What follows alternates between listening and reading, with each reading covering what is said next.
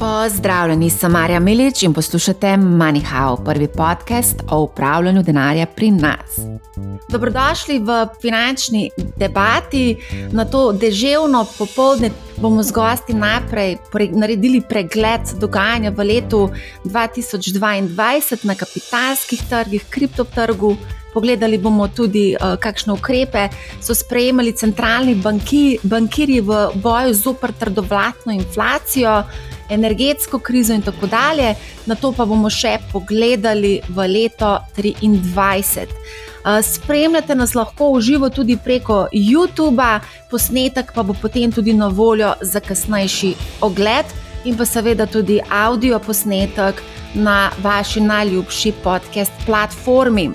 V tokratni prednovoletni epizodi Manihau gostimo Egona Zakrajška, ki je bil gost že lanskoletnega finančnega žura ob koncu leta. Egon je centralni bankir, več kot 20 let je bil zaposlen na ameriški centralni banki, zdaj dela v Švici na banki za mednarodne poravnave. Egon, hvala, da si se odzval v Bilu tudi letos. Super, se veselim debate. Z nami je tudi, ja, z nami je tudi Nec Bizjak, ki smo ga gostili nedavno v kripto epizodi ob epskem propadu kriptomenjalnice FTX.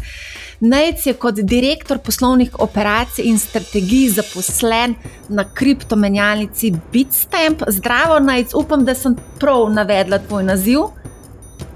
Okvirno, um, živijo, ja, se tudi jaz, se tudi jaz veselim okay. debate. Evo, in, torej, na eni strani imamo centralnega bankirja, na drugi imamo kriptaša, za tehnico na jeziku pa je z nami tudi Andraš Grahek, ki je poznavalec kapitalskih trgov, izprihaja iz Capital Genetics in je večkratni gost Mani How. Zdravo vsem! Živijo. Živijo, živijo. Ja, ok, živijo. Evo, lansko leto, ob koncu leta, na našem finančnem žuru, uh, ki je mimo grede trajal kar dobre, skoraj tri ure, uh, sem postavila vsem gostom na začetku vprašanje in sicer, kako bi opisali z eno besedo leto 2022. Pa dajmo opisati to leto 2022. Ego, boš ti začel. oh, zanimivo. Aha, kratko in jedrnato, zanimivo. Nec, kaj pa ti? Turbulentno. Kako kreativno. Ti v kripto svetu mislim, da je bilo več kot turbulentno, bilo je dramatično. Andraš, boš ti odgovoril za eno besedo, pa mogoče še kakšen stavek več zraven. Če bi mogel z eno besedo reči, verjetno rock and roll, nimamo še kakšen hard rock ali pa death metal, uh, ampak bilo je malo bolj dinamično, torej uh, malo več nihanj, amplitud, frekvenca se je povečala, uh, kakšen, uh, kot temu rekel, puls je komu narastel, zlasti na fixed income trgu, se mi zdi, da je bilo neko zelo, zelo ko bo rekel, kar depresivno uh, dogajanje, medtem ko delniški trgi v bistvu še kar v redu uh, zgledajo, glede na to, kar se je pač uh, dogajalo z obrestnimi merami. Uh, moja razlaga je razmeroma enostavna, v bistvu, ne? zato ker v bistvu ta, da imamo reči, ročnost, oziroma trajnost, bi bil verjeten pravilen slovenski prevod, duration na fixed income je pač krajši. Zdaj, če gre obrestne mere sam gor in dol, pač ima to velik učinek na en cash flow, ki je 4-5 let, medtem ko nek dolgoročni denarni tok, ki gledajo delniški trgi naprej, pač nima tega vpliva, ima vpliv, ampak ne tako dramatičnega. Ne. Ni se uračunal, recimo, v trge, da bojo permanentno visoke obrestne mere v rangu 4, 5, mogoče 6 odstotkov. Zdaj, a to res drži, a bo prihodnost res taka ali ne, kako bo v bistvu to izgledalo. Če se jaz prav spomnim lanskega leta, smo kar velik govorili takrat o inflaciji, a bo prišla, kako se je odzivale centralne banke.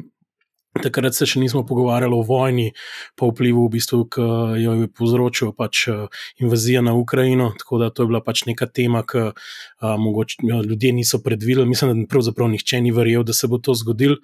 Uh, če se prav spomnim, je bila še celo ena epizoda, ki ste jo s timom iz Moskve imela. Jaz poznam Tima, je bil moj sodelavec, živel v Moskvi leta in leta in tudi ljudje tam niso verjeli, da se je to zgodilo. Tako da to je bil res uf. Uh, kaj se pa zdaj dogaja.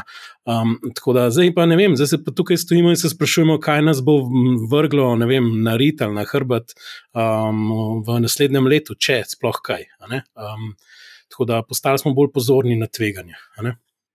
Mogoče bi samo to, Andraš, ko si ti zdaj začel to vojno v Ukrajini, eh, koronavirus, skok inflacije, mogoče bi tukaj lahko kar začeli z debato o centralnih bankah in njihovih ukrepih za zajezitev eh, inflacije. Eh, videli smo po 11 letih, je ECB dvignilo ključne obrestne mere, letos štirikrat, FED sedemkrat, pa mogoče, če lahko tukaj samo malo pokomentiramo to sceno, bančno, mogoče Egon, če lahko ti. Sigurno. Enač, a, 2022 to je bilo leto, bi rekel, v zgodovini najbolj, bi rekel, skoordinirane zaostritve monetarne politike v zgodovini. A, a, pro, proporcionalno, koliko svetovnih centralnih bank je začelo dvigovati kratkoročne obrestne mere, Um, to je bil najbolj, bi rekel, sinhroniziran uh, rekel, premik monetarne politike, celo več kot v 70-ih letih, ker smo imeli iste inflacijske šoke, mislim, smo imeli tudi take, bi rekel, uh, globalne inflacijske šoke. Um, vzdik uh, je bil precej hiter, a je tako je bil zelo relativno agresiven. To je bilo seveda glede na to, kako nizko so bile uh, kratkoročne obrestne mere po COVID-u. Um, in na tem uh, veliko se je uh, pisalo in se še piše, ali so centralne banke tako imenovane, ali je bil to front loading, ali so te tako, uh, vzdige obrestnih mer, uh, were they front loaded, ali so bile več in da bodo naredili nekako pauzo. Zdi se mi, da kjer. Kaj trgi se nekako ne zavedajo, in mislim, da bi se vsaj nekako še ni upito, se zavedam, ampak moče to nekako ni upito v cene. Uh, um, finančnih inštrumentov, je to, da, až, ko govorimo o monetarni politiki, trenutnih razmerah, so tri vprašanja. How, how much, how fast, and for how long. Se pravi, koliko hitro gremo gor, ajetko, kje se bomo ustavili, in koliko dolgo bomo čakali, ajetko, koliko dolgo bodo obrestne mere ajetko, na, tem, na, na tem nivoju. Tukaj se mi zdi, da so velike razlike, kako različni investitorji gledajo na to. In um, bi rekel, finančni trgi nekako računajo, da so mogoče centralne banke že nekako končale s tem. In bi rekel, v, v določenih državah celo predvidevajo, da se bodo obrestne mere začele nižati proti koncu naslednjega leta ali začetku 2024. Zdaj se mi so to, bi rekel, izredno, mogoče za to računi brez krčmarja in se trebamo zavedati, da, da tle obstaja veliko, veliko negotovosti in kako bodo centralne banke reagirale v, v, v 2023 in še naprej, je izredno težko predvidevati, zato ker vse, zelo je vse pogojeno s tem, kaj se bo dogajalo v realni ekonomiji in seveda z inflacijo. In na, podrod, na, na to pa zelo vplivajo eksterni šoki, ki jih ne moremo predvidevati. To je pa razvoj vojne Rusije, drugi geopolitični zapleti, mogoče ponovitev COVID-a, kaj se dogaja na kitajskem. To so stvari, ki jih je ne mogoče napovedati, in, in s tem se bodo na to bodo tudi potem centralne banke re, reagirale, ko bodo dobili realne podatke. Uh, mogoče bi bilo zanimivo tudi vedeti, glede na to, da smo se lansko leto spraševali, kakšen vpliv imajo centralne banke na kriptotrg. In glede na to, da se je kriptotrg letos kar precej korigiral za 60 odstotkov in več, eh, kako je kriptosvet spremljal poteze centralnih bankirjev najc? Kripto je nekot early asset class. Um, izjemno pod vplivom um, zviševanja obrestnih mer, um, in to je bilo tudi, um, bom rekel, uh, vsem na očeh v, v letošnjem letu, a ne praktično se obnaša zelo, bom rekel, close correlation z nekimi growth stocki, um, ki so letos beležili pacene, tudi 80-90 odstotkov. Um, se pravi, kripto ni bil imun na zviševanje obrestnih mer, na, bomo tem rekli, relativno manj denarja v obtoku, um, a ne še zmeri kripto je. Sem, mislim, da smo se že pogovarjali, da je 800 odstotkov špekulativen um, in um, je v tem okolju um, makro negotovosti, visokih obrestnih mer, um, zraven pa še teh, uh, bom rekel, nekih odmikov do neke, do nek, od neke politike stran, ki je bila, bom rekel, politika združevanja, bolj neka politika razkola na globalnem makronivoju, ta dva pola, ki so stvarjata Amerika, Kitajska. Um, in, in seveda to ima vpliv na globalne trge, in kripto je, bom rekel, nek mehen delček globalnih trgov, tako da um, dejansko um, precej negativno. Ti, Andraš, kako pa se je borza odzvala na vse skupaj? Videli smo, da je po 13 letih um, Big odšel z borznega parketa, prilomastil je medved. Uh, videli smo, da letos je SP 500 upadel za 19 odstotkov, Nasdaq za 33. Kakšen vpliv so imele centralne banke na dogajanje na borzi? Vpliv je bil pričakovan. Tukaj, tukaj nismo videli nek odziv, ki bi bil rekel, zelo, zelo, zelo nepričakovan. Ne? Mislim, predvsem bi bilo izjemno nenavadno, če bi pri tako dinamičnem dvigu obrestnih mer borze zelo hladno odreagirale, kot da pač nič ne bi bilo. Se na koncu, ko pogledamo, je predvsem ti segment trga se največ korigiral, ki je bil tudi v bistvu na najbolj uh, napetih valuacijah. Predvsem, da imamo reči nek trg samo rogov, uh, kjer podjetja še zmeraj danes ne ustvarjajo cash flow. So se pokorigirali investirali tudi neki blue chipi, ampak uh, mogoče, rekel, če na koncu cel širši trg gledamo, vse ne, nekaj SP pogledamo danes, ok, v redu, v dolarjih smo dol 19, v evrih 15, ni zdaj to neko leto, da smo si žile rezali. Ne? Sploh če to damo v kontekst vseh rasti, ki smo jih videli v prejšnjih letih, ki so bile brez nekega predaha. Mislim, še v enem koronskem letu je bil bolj kot ena elastika, dol, gor. Ne? Tako da v bistvu jaz mi rekel, da je bilo eno leto tranzicije, kjer smo mogli počasi prehajati na neke realne osnove, kar se uh, tiče nekih trgov denarja ali pa kapitala, to pomeni obrestne mere, in skušali smo prehajati na neke realne osnove, kaj zdaj je gospodarstvo po koroni. Ne? Seveda, uh, po, po drugi strani smo pa dobili še en uh, outlier ne? in to je bilo pa pač vojno. Zdaj, če gremo zdaj malo po teh počasi je že malo, kot oni štiri jezdici apokalipse, zdaj se sam še sprašuješ, kaj prihaja. Ne? Smo imeli najprej bolezen, pa smo imeli vojno, kaj je lakota, so se ne spomnim, kdo že ta četrt, uh, ker so malo različne. Centralne banke so četrt. Centralne banke so zadnji jezdec apokalipse. Um, Tako da v bistvu, ko smo se lani pogovarjali, v bistvu mislim, da smo govorili o tem, da se bo mogel nek multiple earningsov uh, nekako pokorigirati. In definitivno se je torej uh, večkratnih dobičkov, s katerim kapitaliziraš trenutni dobiček in nekako vrednotiš delniške trge, uh, ta v bistvu se je pokorigiral. Ni se pa še to bistveno. Poznali na samem IPS-u, torej dobičku na delnico v tem trenutku. Ne, tukaj je zdaj ta porota zaseda, bi se temu reklo, kakšna bo gospodarska aktivnost gledano naprej. In v bistvu trenutno je uračunan bolj soft landing kot karkoli drugega, bi jaz rekel v tem trenutku, ker ta prilagoditev je bila bolj, uh, če gledam širši trg, govorim. Če gledam širši trg, pa SP gledam, ne, ne zdaj neke določene podsegmente, tam je nekje unži kataklizma, če pogledam kakšen fintech ali kaj takega.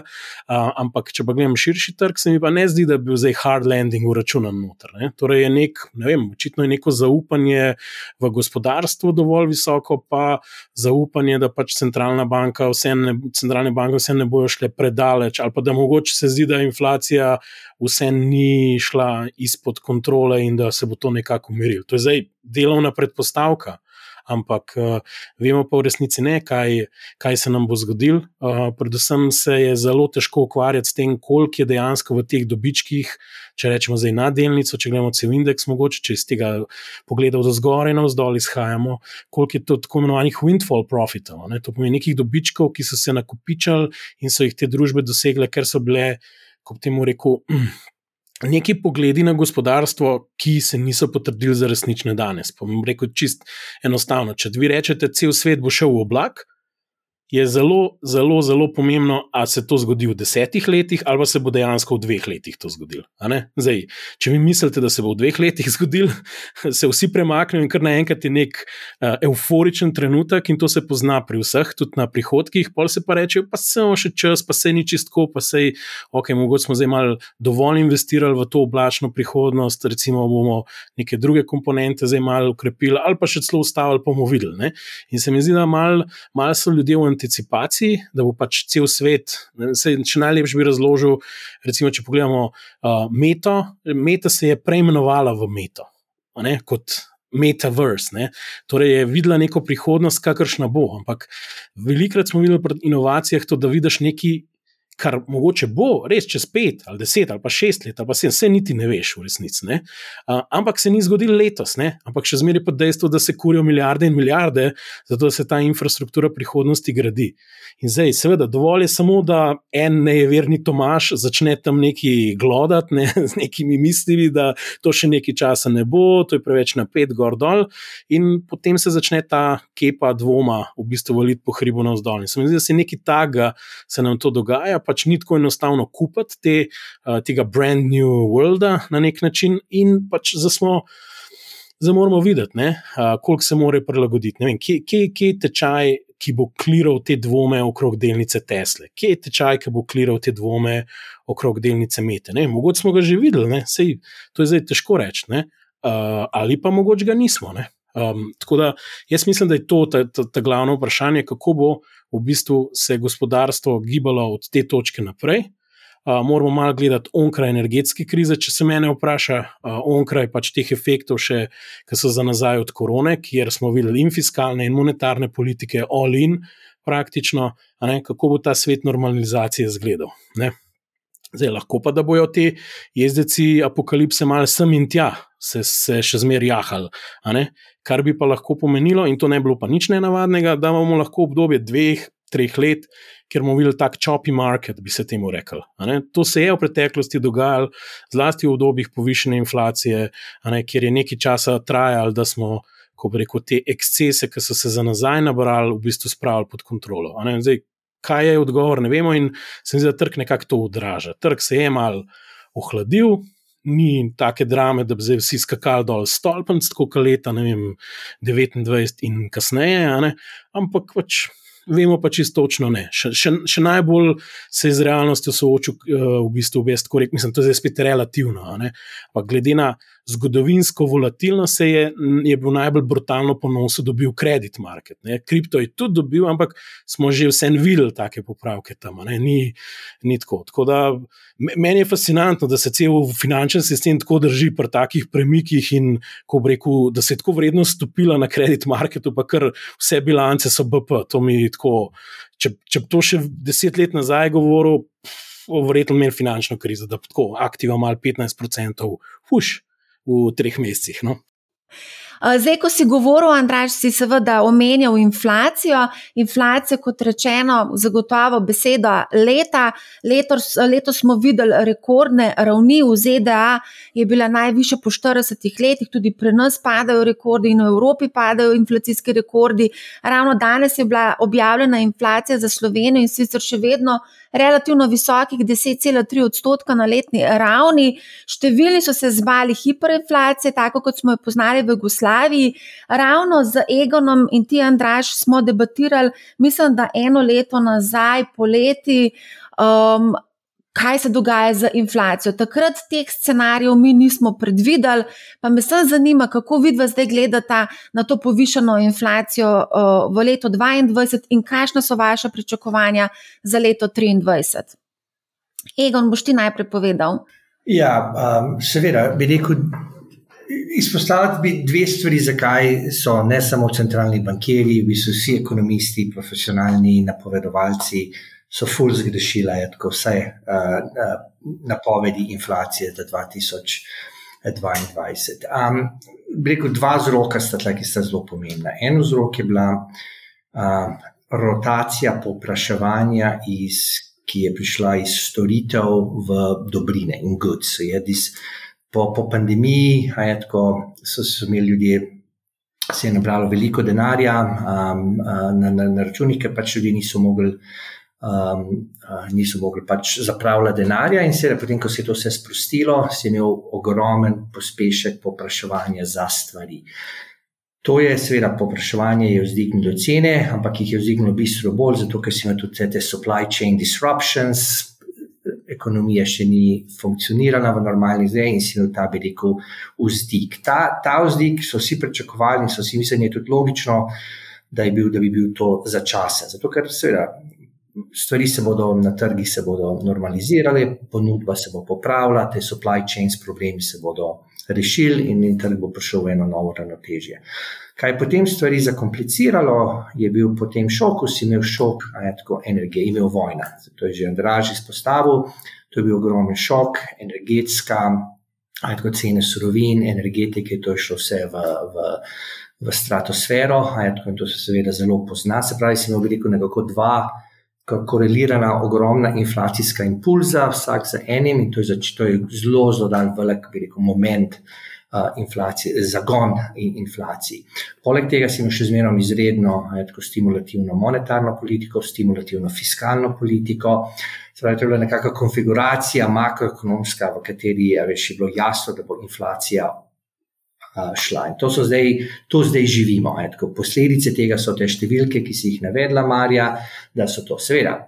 Stvari, določeni so rekel, tržni mehanizmi, ki, ki, etko, ki bodo inflacijo dal dol, cene surovin že padajo, tudi nafte, etko, vse stvari se normalizirajo, a, tudi te supply chain disruptions se nekako Je tako že, uh, že, uh, že v veliki meri uredili, da to, kar se dogaja na kitajskem, so še zmerno problemi, ampak to so velike osnovni ekonomski razlogi, razlogi ki, ki umirijo inflacijo. Drugi največji razlog je, seveda, centralne banke, zdigne so obrestne mere, s tem tako tiščijo popraševanje, kar zniža pritisk na cene. Da, zdaj, kaj je v naprej, je pa seveda spet odvisno, je tako koliko od tega, bi rekel, momenta, od tega zagona, inflacijskega zagona, je še v, v inflacijskem procesu. Jaz bi rekel, da je še relativno veliko. In zakaj ga pravim? Zato, ker če ti gledaš velik del teh, tega paca cen, ki so ga imeli v zadnjih parih mesecih v ZDA. Kaj se dogaja, je to padec tako imenovanih stvari, goods, goods inflation, se normalno umirja in pada nazaj na nivoje, ki smo jih navajeni. Ampak kjer imaš pa bistveno več impulza in to je pa storitev. Tako, so pa cene storitev, te še zmeraj rastejo in te so izredno, izredno lepljive. They're sticky prices, these have a lot of persistence, kot se tem reče. In um, da, da ti ta del, in to je tudi velik del, tako celega košarice, storitve so. In da ti to inflacijo, tako, in ta inflacija je tudi bistveno bolj povezana z rast, rastjo plač. Tako, in imaš to dinamiko, rast plač, rast cene storitev, ki se potem prelivajo drugo v drugo in dajo ta dodaten impuls. Tako da tukaj se mi zdi, je, da um, za enkrat, in če še gledaš, je, tako, rekel, realno, je, tako, realne ekonomske rast, stvari se upočasnjujejo, ampak ekonomije še zmerom rastejo, brezposelnost je nizka. To so že zmerom izredno dobre makronomske je, tako, zadeve, ki, ki, ki, ki, ki, ki, ki kažejo na veliko popraševanje. Tako da Jaz, moje osebno mnenje je, da, veš, da bo ta inflacijski impuls bistveno bolj trajen, da bo še zahteval višji ukrep, tako, viš, eh, ponovno višanje obrestnih mer. En razlog je za to, zakaj se banke, centralne banke zdaj malo pauze, je, ker so notr so našivale polno monetarnih, tako bi rekel, zavore, monetarnih zavorov, ampak to je zdaj treba, da vidimo, kako se to mal.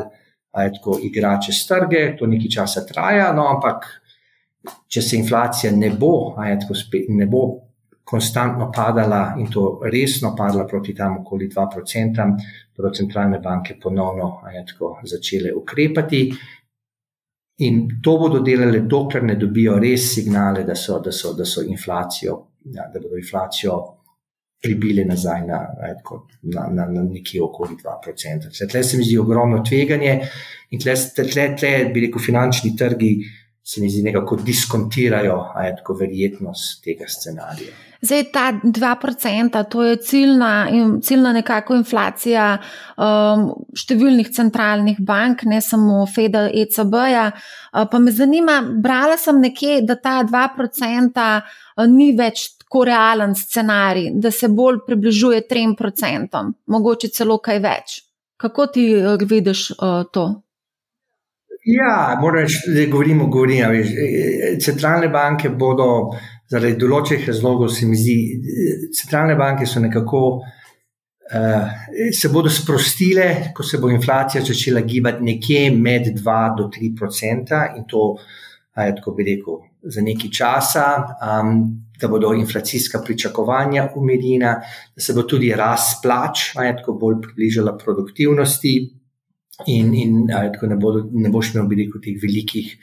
Um, um, Premikov uh, na to, ampak to so stvari, ki se dogajajo zelo, zelo počasi. Uh, in, in eno je, rekel, ta dinamika, da inflacija zelo hitro in nekako nelinearno zraste, ja, ampak da to inflacijo spet dobiš, je tako dol, nazaj, zna biti pa bistveno bolj daljši in bistveno bolj, bi rekel, trd posel, še posebej iz vidika finančnih trgov in tudi realnega, še posebej trga dela.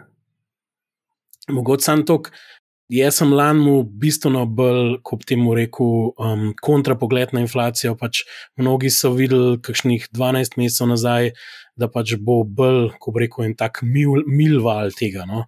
Uh, jaz takrat se mi zdel, da pač mogoče smo preveč vsi na eni strani ladje. Jaz rečem, da so vsi na eni strani ladje, veš, je najbolj dostav, da se prevrnemo v morje. Uh, tako da, um, pa se zmeraj tako sprašujem, imamo mogoče preveč konsensus, vsi enak, ne pa vsi isto pričakujemo, ker ponavadi informacijska vrednost tega konsensusa na trgu ni prav preveč visoka. Pač to se je izkazalo. Včasih je, včasih ni na kratek rok, ne vem. Ampak uh, to se je izkazalo, ker je Egon prav, po mojem, da pač, uh, so tukaj bile neke, ko bi rekel, pod površjem stvari. Ok, sedaj vojne nisem pričakoval, to moram biti iskren, to je bilo zdaj, to, to je bil neki, kot ti mu rekel, skriti faktor. K, ampak moja teza je bolj izhajala iz mojega opazovanja zgodovine, da si ti mu nek učinek, ki je bil zelo masoven na trgu, je trajal kar nekaj časa, da so se sploh pravi učinki skozi neko transmisijo, tako in drugačno, ker to po vseh živih porah, ti, ko reko, in monetarna politika, in fiskalna deluje, in ni, ni zelo težko je to napovedati, ki je to čez 6, 9, 12 mesecev ven točno usekalo. In je zmer malo wait and see. To je kot tam je nek medved v gozdu, shotgun. Č, č, ne pa, pa sem ga zadeval v Joe, veš.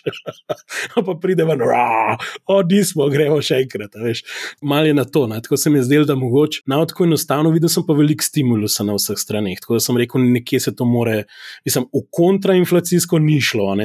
To, to, edin, kar se mi zdaj zdi, da je pa mogoče vse en ta drugi moment, ki gledamo širšo, ne, to pomeni sprememba, spremembe, ne prej je šlo, ne vem se bo inflacija iz 2-3 odstotkov za 2-3-4-5 odstotne točke čez 12 mesecev povečala, pa bo na 8 ali pa ne vem, kako koli pa že. Zdaj je vprašanje, ali se tukaj sedaj ta drugi moment, v bistvu sprememba, spremembe v odstotnih točkah, torej razlika stopenj rasti, koliko se bo ploščila, pa koliko, proti kakšni.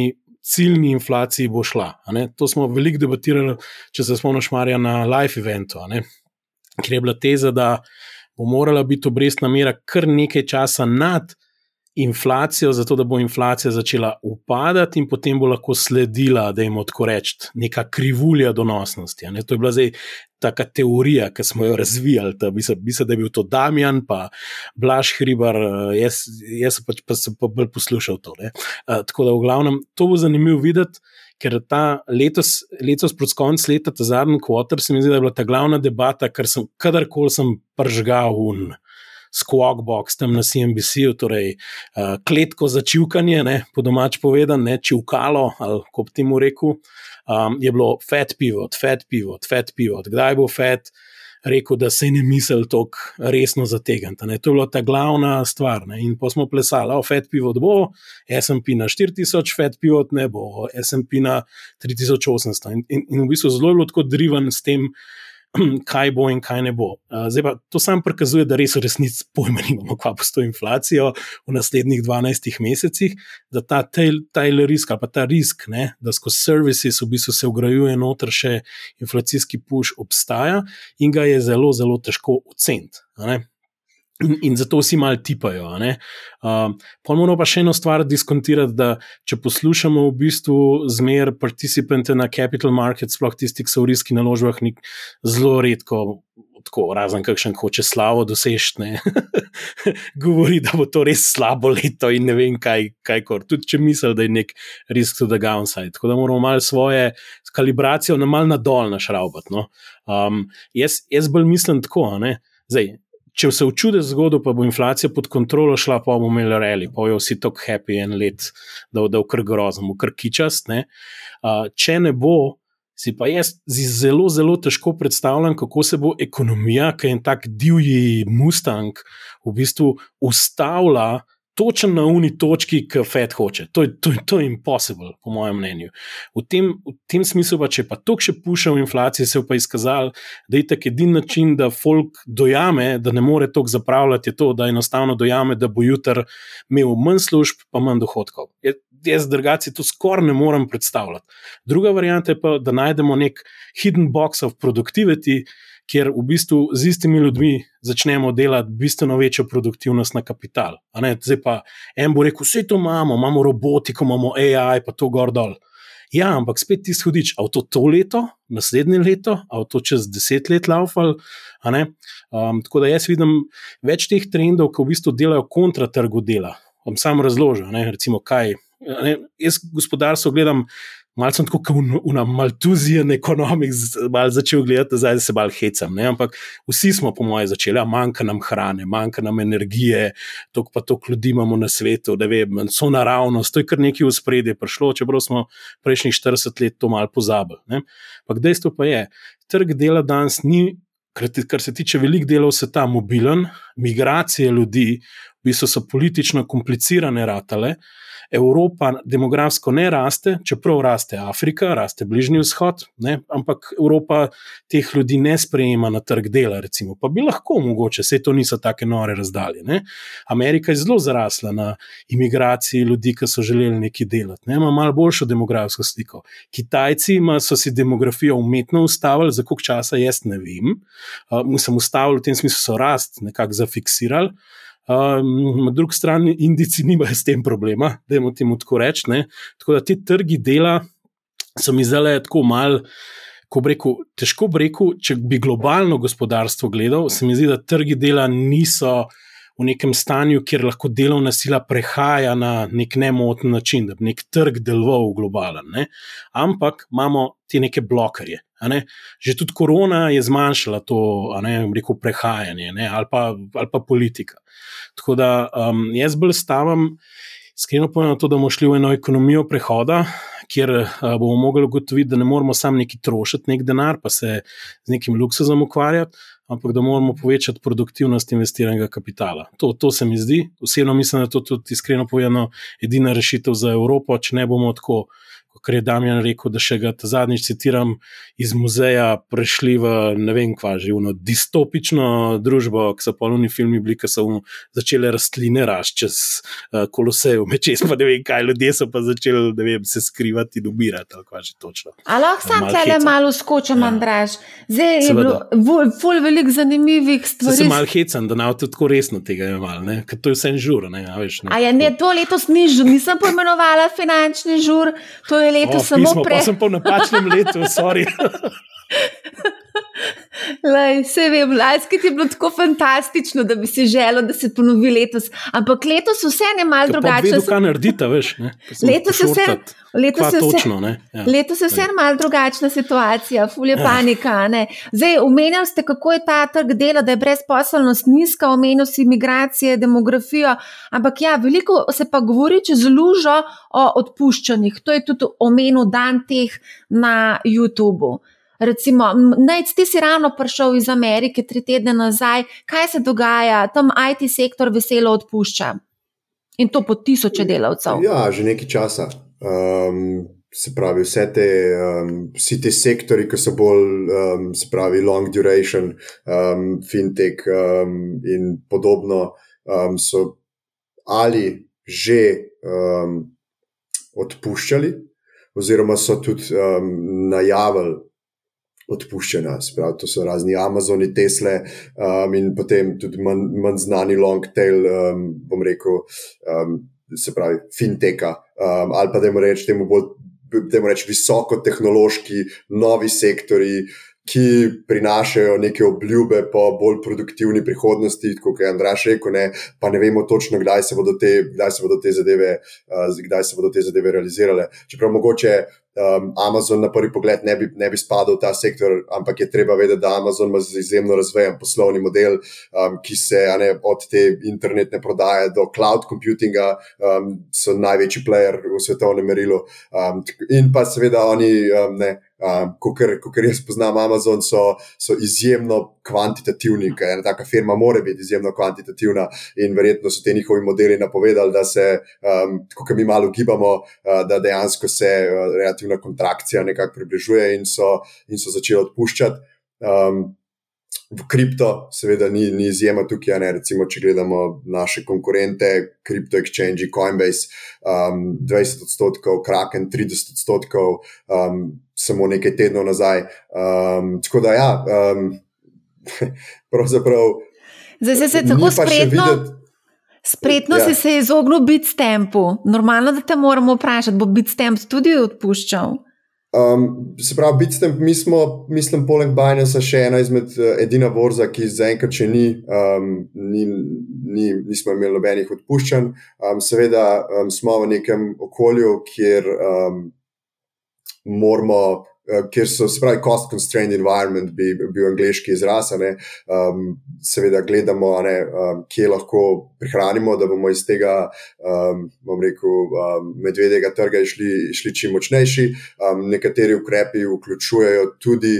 Um, seveda, bom rekel, organsko zmanjševanje delovne sile, se pravi, nek naravni attrition, uh, ki se nam dogaja, zaenkrat pa ni v, v načrtu, da bi, da bi se um, um, da bi se, se pravi, dodatno se pravi, krčila, krčila delovna sila. Um. Ja, kar izvolijo. Ja. To je zanimivo, ta debata, to, kar je zelo nec povedal. Zdaj, če nekaj dodal v tem, da um, ta tehnološki IT sektor ja, je začel z velikim pušem, ampak kar je zelo pomembno, je to, da ljudje, ki so odpuščeni, najdejo novo službo, saj še trenutno, izredno, izredno hitro. Tako, tako da, ja. uh, ta, ta razlika je v tem, da ti, vsaj po zadnjih, to, kar sem jaz skole malo videl, malo anekdotično je. Da, da, decimo, da ta sektor ima zdaj ogromen črn, se pravi, ljudje izgubljajo službe, ampak še zmeraj najdejo nekje druge svet. Tako da, vsaj za enkrat v povprečju, a se bo to še nadaljevalo, to je seveda drugo vprašanje. Ampak to pomeni nekako, da je še ta, ta trg dela na splošno, ne, tako, če gledamo glede metrika brezposelnost, tako je zelo dol.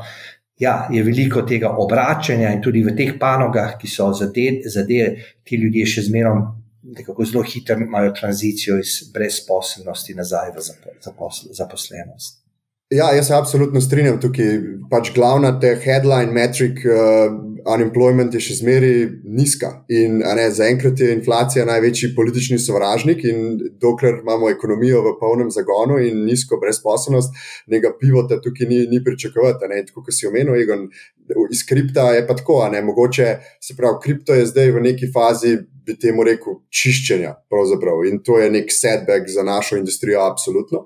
Ampak so pa tukaj podjetja, ki so izjemno dobro kapitalizirana. Ne. Tukaj so bili zdaj 2021, tudi v začetku 2022. 2022 je bil pravzaprav po količini kapitala, venture capitala, ki se je zbral v kriptu, je bil višji od 2021. Uh, sprav, mislim, da nekih 42 milijard proti 35 milijardam lani. Torej, podjetja so zbrala ogromno količino kapitala in so opremljena za to, da grejo skozi to obdobje, ne, nek downturn, uh, in v tem downturnu v bistvu zgradijo bodo pa tudi odpadali, playerji ven iz tega trga in recimo čist tak nek klasičen pivot.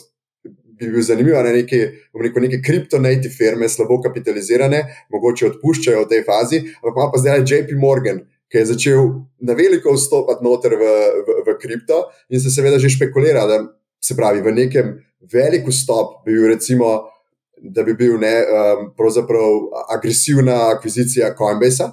Um, to se zdaj večkrat špekulira, da bi to se lahko zgodilo, ampak na manjši skali, če gremo na neke enoto delavca, je pa tako, ne zgubiš službo v neki native kriptofirmi, ampak imaš pa tam enega ogromnega velikana, ki pa pravzaprav vidi potencial tega trga, nekje down the road, močno kapitaliziran in ti ponudi službo, imaš določene znanja in potem se ta revolving door nekako začne vrteti. Ne. Jaz se zdaj zelo na kripto, uh, ki mi je blizu, ampak verjetno se aplicira tudi na ostale industrije. Ja, da ti povem eno zanimivo zgodbo. Včeraj sem govoril z enim svojim eh, kolegom, ki je eh, profesor na, na zelo, zelo ugledni ameriški univerzi. In mi je pravil, kako njihovi, kako njihovi študenti, ja, ki študirajo recimo ekonomijo in finance. In mi je rekel, da so te, ki so imeli tako imenovano med poletnimi počitnicami v svojem tretjem letniku, se eno leto pred, preden bodo lahko doštudirali, so imeli te internshipe, pa pripravništvo, recimo za Goldman Sachs, in to, in so si dobili že ponudbe, a, da ko diplomirajo, da začnejo delati v Goldman Sachsu. Se pravi, že tretji letnik, tako, ko končajo četrti letnik, da grejo pol no, četrtega letnika, pa že dobijo ponudbo, recimo od Carlyle, od Private Equity, da po dveh letih, po dveh letih v Goldman Sachsu grejo lahko delati za private equity. Spravi, je ogromno optimizma, je tako, uh, da boš ti da. Se pravi, trg dela, saj v Ameriki je trenutno še izredno, izredno je tako napet, popraševanje je globoko, it's churn, je to, mislim.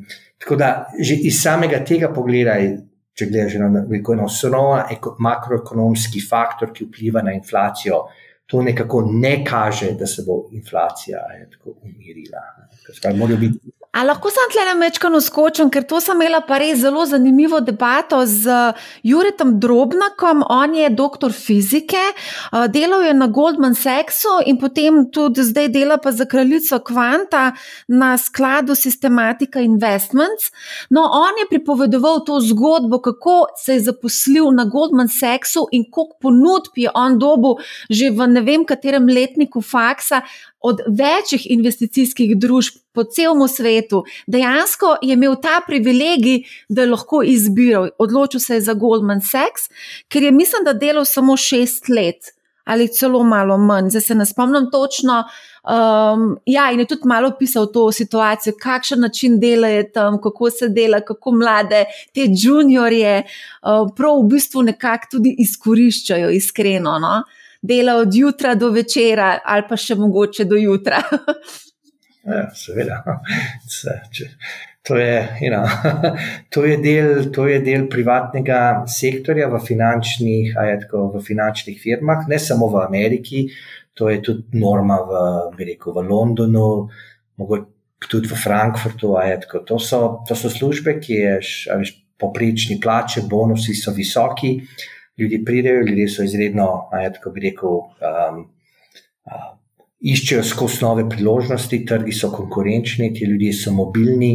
Tako da to, veš, to, je, to, je, to je normalno, mislim. Ampak, recimo, so pa zdaj seveda tudi uh, Goldman, je, ne vem, pa vse te velike finančne investicijske firme so rekli, da bonusi to leto bodo bistveno, bistveno, bistveno manjši. Seveda, ker je manj denarja, manj aktivnosti na kapitalskih trgih, še posebej te izredno lukrativne zadeve, kot so mergers, acquisitions, ki za te firme nekako generirajo ogromno denarja. Tako, tako da tudi ta industrija zdaj še čuti vpliv, ampak to, to, to traja. Tako, smo daleč od tega, kaj se je dogajalo 2008, 2009 to je, uh, je, je bistveno drugače. Mhm. Ali lahko vseeno mogoče se malo spomnimo na tiste čase, mogoče ne glih iz 2.8. Um, zdaj, recimo, ko opažamo, ko spremljamo, kaj se dogaja po državah, vidimo, da države se res vrtoglavo zadolžujejo. Globalni pregled dolga po državah kaže, da je dolg v bistvu številnih držav preko 100 odstotkov BDP, recimo ZDA 134 odstotkov BDP, Japonska je rekorderka. 263 odstotkov BDP, sledita Grčija, Italija s preko 140 odstotkov BDP. -ja. Kako gledati na to v bistvu super zadolževanje držav in ali to potencialno lahko problem v prihajajočem letu ali pa letih? Ja, uh, absolutno. Uh, zdaj, treba je malo, ja, to se mi zdi, to je spet eno tveganje. Lej, če imaš ti dolg kot Italija, 140-180% glede na BDP, pa so obrestne mere 0,25%, to ni noben problem. V bistvu je tako, pri obrestnih merah 4-5%, pa tak dolg postane bistveno, bistveno bolj problematičen. Um, zdaj, ZDA je seveda razlika, ZDA je različna od teh, ki ima svojo monetarno politiko in dolg je seveda denominiran v dolarjih. Tako, tako da tle ni take fiskalnega pritiska, ampak za Evropo, za Italijo, ko se to se spomniš, se najbrž se vsi spomnite 2010, 11, 12, fragmentacije, etko, kaj se je dogajalo, ko plin je tvegan. Grčije, Italije, Španije, Portugalske na njihov etko, državni dolg so šle v stratosfero. Slovenija je izgubila totalen dostop do, etko, do o, kapitalskega trga, se je pol zadolžila po privatnih ino, zadevah. Seveda, če imaš ti, tako tak visok dolg, ta dolg refinancirati v, v, v, pri visokih obrestnih merah kaže velik problem. Poleg tega je izpostavil, da ni samo dolg visok, da ni to samo državni, je tako na državni, na državni dolg. V korporativnem sektorju je dolg zelo, je tudi na rekordnih nivojih. In, in, in poleg tega, tako da tudi le, edino, kjer je manj, je bi rekel v gospodinstvih, ki te so se pa zelo to so se pa deleveraging, ajko po globalni finančni krizi. Je v bistvu, to je en sektor, ki je rekel, dolg glede na, na premoženje ali na dohodek, ker je recimo relativno v, v zgodovinskih normah. Državni dolg, dolg korporacij, a je tako je pa na historični, mislim, to so nivoji, ki jih nismo videli od konca druge svetovne vojne, ki so bili jasno, seveda, povišeni zaradi ja, posebnih razmer in kako ta dolg obračati, kako se bo to obračalo pri teh višjih obrestnih merah, še posebej, če te obrestne mere ne, tako, ostanejo na teh nivojih bistveno daljše, bo izredno, izredno kompliciralo makroekonomsko politiko, posebej fiskalno politiko in boš imel fiskalno in monetarno politiko mogoče vsaj tako. Bo restriktivna na obeh straneh, in to ima seveda velike makroekonomske posledice, ki se potem tako pokažejo na finančnih trgih, tako na realnih trgih. Tako da, ja, to je absolutno, absolutno, bi rekel, tveganje, tako first order, first order risk. Tukaj, če lahko samo mečkam skočim, jaz mislim, da tukaj je dejansko pa tudi ta nekakšna kontrarna teza, ki obstaja, ne, da prav ta. Se pravi, sovereign debt overhang, overhang, se pravi, ta visoka zadolženost, ZDA in v bistvu tudi um, proračunski primankljaji, ki, ki, ki, ki ZDA jih, jih imajo, ne, da pravzaprav hkrati, pa poleg proračunskega primankljaja, ki je dejansko še poslabšan z dejstvom, da, je, da, da, je, da, so, da so proračunski prihodki ZDA recimo, izjemno odvisni. Od obnašanja na kapitalskih trgih, ne, se pravi, koliko oni davko poberajo. In, in ta kontrarna teza je, da bo v bistvu Fed pivot prišel prej, prav zaradi te slabe situacije, um, bom rekel, tega proračuna njihovega, uh, in, bodo, in da bodo nekako obrnili ploščo in bodo sprejeli višjo inflacijo, kot je 2-3%, ampak da dejansko bodo sprejeli inflacijo 6-odstotno in podobno, ne, pa bodo pravzaprav nek quantitative easing spet sprostili prej kot pričakovano. To je kontrarna teza, seveda. Jaz še zmeraj se tudi nekako strinjam s tisto prvo, ne, da bodo. Prej videli, bomo videli recesijo, brezposelnost in tako naprej, in potem nek počasnejši pivo, mogoče spet zapoznel. Ampak je pa ena taka zanimiva, ena par teh ekonomistov nekako to propagira. Um, tako da, ja, ja, ja. zanimivo. Ne, se strinjam, to govorimo, to je ta teza, ko se reče. V angleščini je, je izraz fiscal dominance, tako, kdaj monetarna politika postane nekako, kdaj fiskalna politika dominira monetarno politiko. Tako, to, je, uh, tako, to zna biti, uh, to ni samo, to, to, je, to je To je tveganje. To je tveganje, kot je Nec izpostavil. Zdaj, ta tveganje je zelo odvisno od države do države, institucionalnih tako, razlik. Ampak, seveda, ja, rekel, ta domi, fiskalna dominantnost se je v zgodovini zgodila. To ni, to ni nekaj, tako, kar nismo nikoli uh, živeli. To je, bil, to, to je bil včasih de facto režim. Lahko samo mogoče tukaj eno vprašanje, še mogoče malo ne navadno. Zdaj, te države se zadolžujejo tudi zaradi v bistvu. Tega zaradi boja proti povišeni inflaciji, pa energetski krizi, in namenjajo milijarde in milijarde za reševanje te uh, situacije. Ali to pomeni, da v bistvu te države same sebi višajo inflacijo? Več daš, višja bo potencialno potem tudi inflacija, če zelo, zelo poenostavim to. Mislim, po eni strani lahko, čeprav bi rekel, ti učinki so tako, re, relativno mehki, kvantitativno, to, so, tako, to niso rekel, učinki, ki, ki bodo zdaj dvignili inflacijo. Zdaj, seveda, odvisno je zelo, kako je, kako je ta pomoč na, je tako, razporejena. Če je ta pomoč razporejena je tako, sloju prebivalstva, ki to res potrebuje, je, tako, je, to, je to sigurno, bi rekel, pametna. In pravična zadeva. Ja, to je zdaj zelo odvisno od države. Ampak, bi rekel, v glavni, v glavni meri uh, to so rekel, kratkoročni ukrepi, ki, ki, ki, ki nimajo, ja, tako rekel, takega velikega, velikega efekta na, na inflacijo. Mhm. Prej smo imeli tukaj eno vprašanje na YouTubu, vezano na nakup nepremičnin in pa na posojila. Zdaj, z dvigovanjem ključnih obrestnih mer, se seveda tudi držijo posledično posojila. Kako to lahko v bistvu vpliva na posojilno aktivnost v, 23, v letu 2023? Kakšna so tukaj neka pričakovanja. Andraš, mogoče če lahko ti kaj dodaš, da si že nekaj časa. ja, ne vem, lahko vzamemo unučbenik iz prvega letnika ekonomije. Cena, cena pa količina. Ja. Dražje, dražje so posojila, manj bo popraševanje. Ja. Tako, čisto enostavno, tako da nimam Tokrat nimam tako dolgega odgovora. Ne. Se pa malo sprašujem, zakaj un konc ne deluje, ne više cena, večje ponudbe, da se malo pohecam. Tisti uh, tist konc pa v Sloveniji ne vem, mislim, ker više bo više v cene, ponudba pa zmer zaostaja. Vsi govorijo, cena je krat dva, ponudbe pa ni. Ne. Mislim, ok, spet relativno, ne toliko, kot bi jo morali biti, glede na to, koliko se je cena povečala. Tako da ne, ne vem, kaj čarajo tam v črni kuhinji ponudbene strani na nepremičninskem trgu. Ne. Ker tukaj govorimo um, planiranje razvoja mest, umeščanje objektov, to so vse ovire za pač ponudbo. Zakaj traja, to smo tudi debatirali, zakaj traja 8 let, da pride tuj, um, recimo, razvijalec nepremičnin v naše glavno mesto in šele potem začne prodajati stanovanja. Mislim, to, to lahko sam sadomazohistični, ne vem, menih zdrži, uh, da to na svojem, ja, uprostno, na nadzornem svetu ali pa investment committee razložiš. Jaz bom šel vzel eno mesto, kjer še nisem bil, osem let bom uh, čakal, da bo kapital prišel nazaj, pa bomo pa še le videli, da bomo sploh notranjo stopno donosa naredili. Pa, joj, pa še to ne vem, koliko mi je lokalne banke dale, ker vse sam poznajo isti tip posojila, da se enakomerno amortizira. Ne? Jaz bom pa denar šele na koncu dobil. Tako da tako približno zgleda trg. Zdaj lahko rečeš, da je nerazvit, lahko pa rečeš, da je nam, da komu tudi koristi, da tako, to tako funkcionira, pač, da se počasi prvija te cene. In, uh, pač, če imaš, to je, to bom tako razložil.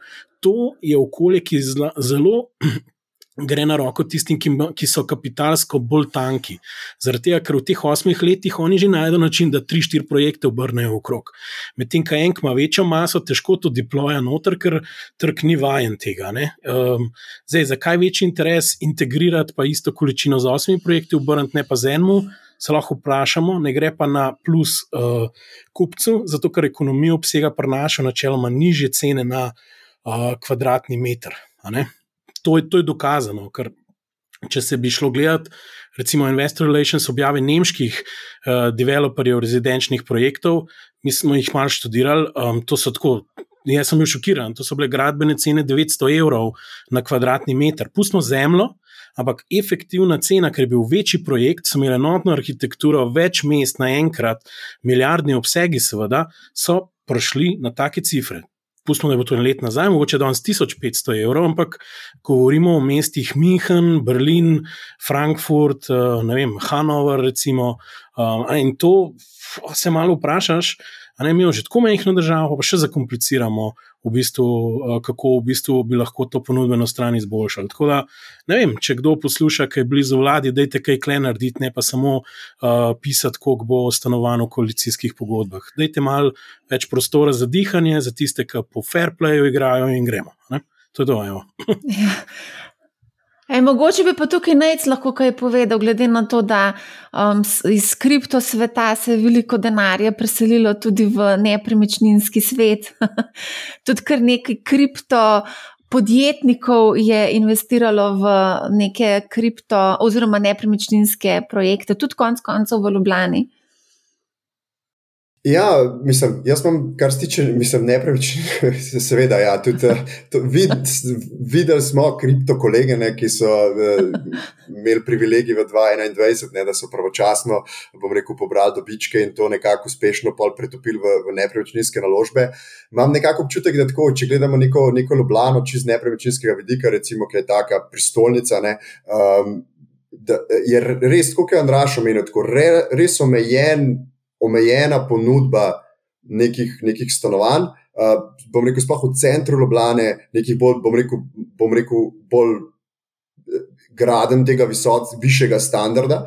Um, in zato vlada res visoko povpraševanje, um, mogoče povpraševanje kriptomilionarjev ali pa um, prebežnikov iz Ukrajine, ne, mogoče, ki so kapitalsko močni in potem kupujejo ta stanovanja, ki so relativno omejena. Hkrati pa potem te projekti imam nekako občutek, da zdaj se, pol, se veliko se gradi, se pravi, veliko je razvojnih projektov, ampak ta cikl je zelo počasen in zaostajajo ta, ta, ta, ta pritok novih. Novih projektov na trg je izjemno počasen, in s tem tudi mi tvegamo, da se nam bo pa ravno ekonomija obrnila, se pravi, se, pravzaprav se nam že obrača, ne, više obrestne mere, teže dostop do posojil, še zmeraj pa nismo rešili ponudbe. In, um, in to, to mene skrbi, ne, da bomo ravno dosegli spet, ker to se je nam zgodilo že leta 2012, ker smo imeli kriza, pa nas je bila kasneje, kot recimo na globalnih trgih. In se nam je zgodil po oversupply stanovanj v eni fazi, in v bistvu je to tudi vodilo v stečaje enih par naših gradbincev zaradi takšnih in drugačnih razlogov. In zdaj spet se mi zdi, da tvegamo podobno situacijo, da bo v eni fazi se nam bo potencialno spet zgodil oversupply in tiste nepremičnine, ki ne bodo na, bom rekel, posebej ekskluzivnih lokacijah ali pa ugodnih lokacijah, mogoče mečkaj manj iz mesta, pa ne bodo imeli, bom rekel, od zadnji um, ustreznega financiranja, bomo spet gledali ne, um, gradbene jame in, in takšne situacije. Um, tako da to je nek, nek tek na, na nepremičnine, mogoče. Um, kar se tiče pa kripto, pa nepremičnine, pa ste pa na takem drugačnem. Na totalno drugačnem spektru, mogoče se nahajate, um, um, bom rekel, celega asset univerza. Ja, ampak ta univerz, ne, oziroma te ljudje, ki tavajo po tem univerzu in iščejo svoje milijone, na koncu pristanejo ravno v najbolj otepljivi naložbi. Absolutno. Um, mislim, se to čist, to, to je tako ful logičen. Bom sam zdaj razložil. Ne? Če je kripto zdaj abstraktna, uh, kot ti mu rekel, omejena dobrina, pač ustvarjali smo iz enk in ničel, ne? torej abstraktna. Ne? Demo reči, da je to kvazi delnica, ker je podjetje tudi abstraktno, ne pač nek pogled, nekaj abstraktnega. Ne. Pol pa v starih časih je bila, da jim tako rečem, obveznica ne tvegana stvar in je bila tako kao, a veš, ne. Ampak kriptosvet je zelo skeptičen proti centraliziranim stvarem, ne. Ampak hard asseti, real estate, to je pa un, otipljiva stvar. Ne. In zdaj, če to malo parafriziramo po eni matriki, pa rečemo, da uh, treasury obveznice zamenjati z nepremičnino, pa da je delnico zamenjati z kriptoholdingom in se igram z optimizacijo svojega portfelja, ne? torej tam zaslužim in parkiram noter v hard asset. Ne? In v bistvu, ko gledaš. Se ne dotikaš delnic, pa obveznic, v bistvu, ali pa se mogoče delnic malo vmes, če, če ti ta hard asset too little, ali pa ni dosti prestižen. Tako se mi zdi, da ko vidim mindset, uh, tistih, ki so ta pravi trenutek šli noter, zelo redko končajo v delnicah, obveznice, mislim, what the hell je to, to je un, the evil, un exorcist, uh, uh, še raj, raj ne, ne, to bo vse debased, uh, fiat in gor dol, pa je tako, the evil ones, to vse neki premikajo ventile, ne, ampak nepremičnina je pa tam, ne, veš, inflacijsko protected in nihče mi jo na vzel, dobro, razen če bomo prišli v ne čase, ki so jih jemala, ne, kar je bilo. Pač da jim reč po drugi svetovni vojni v Sloveniji. Ampak tam še nismo, tako da pustimo to. Eh, Žan še tukaj dodaja birokracija in korupcija, oziroma monopolnost pri pridobivanju zazidljivih parcel. Še to kot dodatek. A gremo. A gremo kar mogoče? Če vzamemo, pa gre to stran, bo vse v redu. ja, pa še ta oversupply, ki ga je najcu omenil, ki spoh ne vem, kdaj smo ga imeli na nepremičninskem trgu.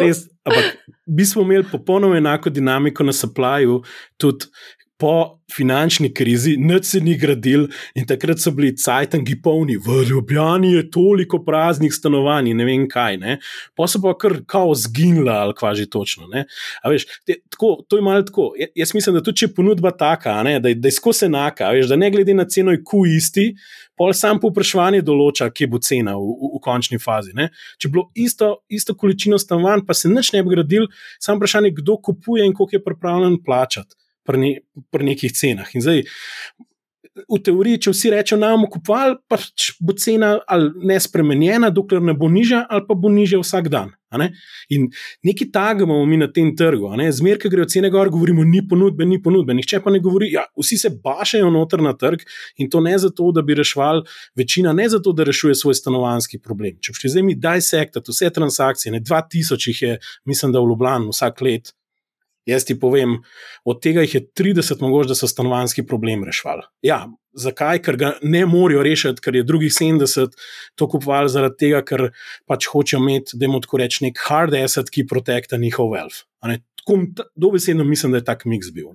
Zdaj, ali je to samo zato, da bo tam, ali zato, da neko rento malo delajo, ne vem, sploh v centru, 2-3% skozi najemnino, ali kako koli že pač to bo v teh cenah ni bilo tako pomembno. Niso imeli uh, confidence, pač na bankah ni bilo nič, delnice so abstrakcija. Uh, zdaj, če si bil kripto, si bil happy, ki pa si lahko kupil, če si zaslužil v podjetništvu, tudi ni šel v delnice, ker si bil preveč traumatiziran kot podjetnik, kaj vse gre lahko narobe in končal si v nepremičninah. Imeli smo sisteme, ki so gradili stanovanja, kjer so njihovi zaposleni, senior, kupovali že rezervirano naprej stanovanje, pa je bilo že drugo, tretje stanovanje, ki so ga imeli, kaj veš, da ga ne rabijo v resnici. Ne? Tega je bilo veliko. To gre, iz, to, to gre iz roda v rod, potem se seli uh, z dedovanji in z, vem, s, uh, s, s tožbami in podobno. Ali Ali lahko si zdaj tako dobro napeljal na denar na banki, noč ne dobiš? Ne? Dejansko sem spet predavala najstnikom, sedemnajstletnikom na gimnaziji in potem gremo skozi vse te naložbene razrede in seveda omenjam tudi bančni depozit kot najbolj varen, imaš 100%, 100 do 100 tisoč evrov, ti garantira ta schema bank ne? in tako dalje. In sem vprašala, a vi spoh veste, kaj je depozit ne? in so rekli, da ne vedo. Ampak v luči dvigovanja ključnih obrestnih mer smo videli tudi, da se dviguje depozitna obrestna mera, tako da zdaj je že v pozitivnem območju, čeprav še zmeraj je tako mizerno nizka, ampak lahko vidimo recimo depozite tam pri 4-5%, tako kot smo imeli pred leti. Egon, kaj ti misliš? Zdi se mi, da, depozit, da, bodo depozitne, da bodo obrestne mere na depozite skočili do 4-5%, to se mi zdi malo. se, ne, se, ne, se ne naslednji let, mogoče čez ne vem, pet let. Dvomim. dvomim. okay. Zdi se mi, da so veš, nekaj. Šle je tudi razlika med nominalnimi in realnimi. Ljudje si mislijo, da ja, včasih so bili tako, depoziti, si dobil na banki 7-8%, a ja, že, ampak je bila inflacija 5-6% realno si ti dobil 2%. Zdaj, veš, ti moraš zdaj gledati v, v svetu, kaj se dogaja. Je, je to, da nekje tam od, od veš, smo imeli, bi rekel, uh, realne obrestne mere, ajatko, se ni, so se izredno znižale v zadnjih 30-40 letih. To je Tako, to je dokumentirano, to je, če so vse države, razvite države, dolgoročne, kratkoročne. In to so ogromni tako, premiki. In to govorimo o realnih obrestnih merah. No? Obstajajo razlogi, zakaj in tako naprej, demografija, tako, ekonomija se spremenja. Ampak nekako osnovno, tako, osnovno smo še zmerom v relativni, kot bi rečemo, v low interest rate environment. Tako, če pravimo zdaj trenutno tako, resno inflacijo, centralne banke se tako, borijo s tem, ampak ko se bo enkrat ta šok tako, nekako prebavil in, in se bodo se stvari vrnejo v nekako ravnotežje, tako, konec koncev bomo še zmerom v v, v, v razmerah, kjer bodo tako dolgoročne, realne obrestne mere tam nekje okoli 2-3%. Tako da ne moremo pričakovati, tako, da bomo zdaj z bančnimi depoziti začeli začel služiti bajne denarje, ker jih tudi s temi nikoli nismo. To se je treba zavedati. Jaz sem, jaz sem danes odločil v vlogo provokatorja. Uh, pač, uh, zdaj lahko me vržete v da to. Samo tako gremo, tako ena, dva, tri. Tako, to je že malce v novic, v bankirjih pa golfu, uh, pokok vzame depozit, pokok ga da, pa kdaj na golfu.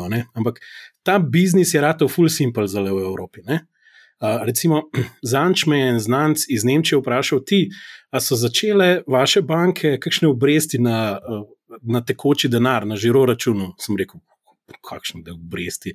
So, so bile še tri mesece nazaj v ležarinski politiki. Ne?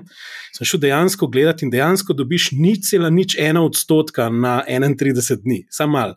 Ampak ta denar, za katerega dobiš nič cela, nič ena odstotka, Kristin Lagarde plača 2% na deposit facility v tem trenutku. -hmm.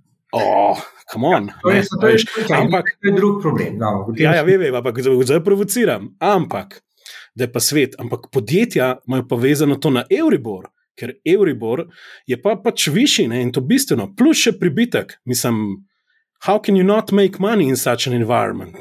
Ja, banke bodo zdaj sigurno izredno bile profitabilne. Ne centralne, no, bos... ne centralne banke bodo imele ogromne, že imajo ogromne izgube. Druga podtalna informacija prihaja z Duneja, iz mesta ležernih bankirjev, kjer se v zasebnih, ko rekel, sobah, kjer so se delale kreditne pogode, zraven je kar restauracija, ki prideš nicel, pa zraven pomfri, ne mi pomfri, ne vem, neki nudeln ali karkoli pač že, ne, nokroz, karkoli pač že pride zraven. Ne. Ampak prišla je informacija, pa zakaj ne mi zdaj delamo in tveganja sprejemamo? Mi bomo zdaj se usedeli nazaj. 12 mesecev, tako le, in bomo počakali, če jo kakšni mrliči vam popadali. Kar pomeni, da po mojem mnenju ta politika bo ful zmanjšala apetite bank, da povečujejo loan book in kreditno aktivnost, ker na obstoječo monetarno bazo v bistvu delajo čist super marže. Uh, jaz ne vidim nobenega, zdaj sem Facebook hecal, da se okrog NLB-ja z kolesi, okrog voz, dajte mi više obrestno mero na depozit, prosim, ne okrog parlamenta se skozi vozijo, pa protestirajo. Mogoče se lahko še malo okrog TR2-ja voziti. Zato, ker dejansko, če nič ne dobiš na svoje sredstva, prvič to, da otrok ve, kaj sploh depozit, če nič ne prenaša mislim, lahko nehamo ne, se pogovarjati o tem, ker pač ni funkcija, nima on aplikacije, uglej, 2% dobim, so neki centi, so se nabrali, nič ne vidiš, za njega to ne obstaja, ker ne vidiš. Ne obstaja, ne? tam so pa pač YouTube, pa obstaja, so videli, obresti pa ni, zdaj kako naj verjamemo v njih sploh. Počasi tako, bo obrestijo na ravni božička. Ne, torej, ali res obstajajo, če boš šli tako naprej. Ali lahko tle zdaj vskočam, Andraš? Le, Moonlight Sky nam preko YouTube sporoča, da zdaj dve banki ponujata dva, okrog 2,3% letno obrestne mere na depozitu. To je bil, letno vezavo, ja, mogoče. Da, to ja. je bil danes članek objavljen na žurnalu 24, vir je treba seveda tudi navajati. Če to ni, mislim, to ne govorimo zdaj ta dinamika, je bila skozi. Smerom se ve, je tako, to je bilo, to je tako, da depozitne mere tako, so, kot se reče, da je upwardly, upwardly rigid. Tako, se pravi, da ko se obrestne mere začnejo dvigati, ko se referenčne tržne obrestne mere dvigajo, tako, obrestne mere se zdigajo, tako, banke imajo večji razpon. It's, it's, it's called, they, they, the banks like to ride the yield curve, right? That's what they do. They do maturity transformation. They borrow short and they lend long, right? That's, that's, that's a simple model. No, in v tem, v tem smislu, seveda, potem, ko se vsa ta krivulja, je tako donos, da se začne premikati, se gornji del premika bistveno več kot pa spodnji del. Ampak bi rekel, učinki konkurence različnih bank, To je spet odvisno od sistema. V takem sistemu, ki ga ima Slovenija, kjer je dominiran par bank, ker ni velikih konkurenc, ker nimaš drugačnih akterjev, primerjavi z Ameriko, ki imaš ne samo komercialne banke, pa imaš thrifts, pa imaš savings loans, pa imaš fintech, pa imaš različne stvari, je ta pritisk, kaj je tako bistveno več večji in tam se bodo te depozitne obrestne mere bistveno bolj, ne, ne trenutno, ne kratkoročno, ampak se bodo začele tako, prilagajati tržnim razmeram. Um, Tako da to tle ni nič, bi rekel, to, zdaj ne opažamo dinamiko, ki je bila nekako druga. To se dogaja že desetletja, tako, mm. iz vseh teh ciklov, tako, obrestnih mer, to je standardni del bančnega modela in tem je bilo tisoče, tisoče člankov napisano, ajtko, ki to dokumentirajo mm. in tako naprej. Tako da, uh, seveda, ampak v Sloveniji, kot, veš, če imaš pa NLB, ki ima, ne vem, koliko je procent depozitov je v NLB-ju. uh, loan to deposit govorimo, ja. ali kaj. Ja. Verjetno je loan tam okrog 60, bi jaz rekel. Ja, okay, ja. 60, 65, dve tretjine. Depozitna baza je pa še 50 poslov. Zelo zelo profitirajo. Ja, pa se, se tudi pravim. Ne? Zdaj, mi, mi neki, tukaj govorimo o inflaciji 10%, vrčevalci dobijo de, de facto mogoče, oprostite, une dve tuje banke, ki nimate depozitne baze, se zdaj na zobe tam mečete. No? A lahko nekaj drugega tukaj še povem, vezano prav na to izobraževanje, ki sem imela za 17-letnike. To počnemo v bistvu že zelo dolg čas in tako opazujem mlade, kako razmišljajo, kaj sprašujejo. Zanimivo je to, recimo lansko leto je bilo ogromno vprašanj o NFT-ju, o kriptovalutah, letos je bilo tega dramatično manj. Skoraj res procentualno gledano 10% v primerjavi z lanskim letom.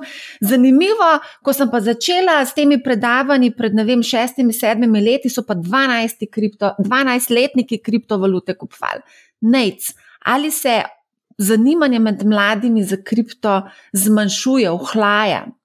Ne, jaz mislim, da ne, eh, generalno. Um, pač tukaj imamo, po mojem mnenju, en trend, ki se ga ne da zanikati, da mlade generacije, ki trenutno končujejo svoje šolanje, vstopajo v neka leta, ko šparajo nekaj denarja, ko začnejo investirati, oni proporcionalno ogromen delež svojega časa preživljajo v, v digitalnem svetu.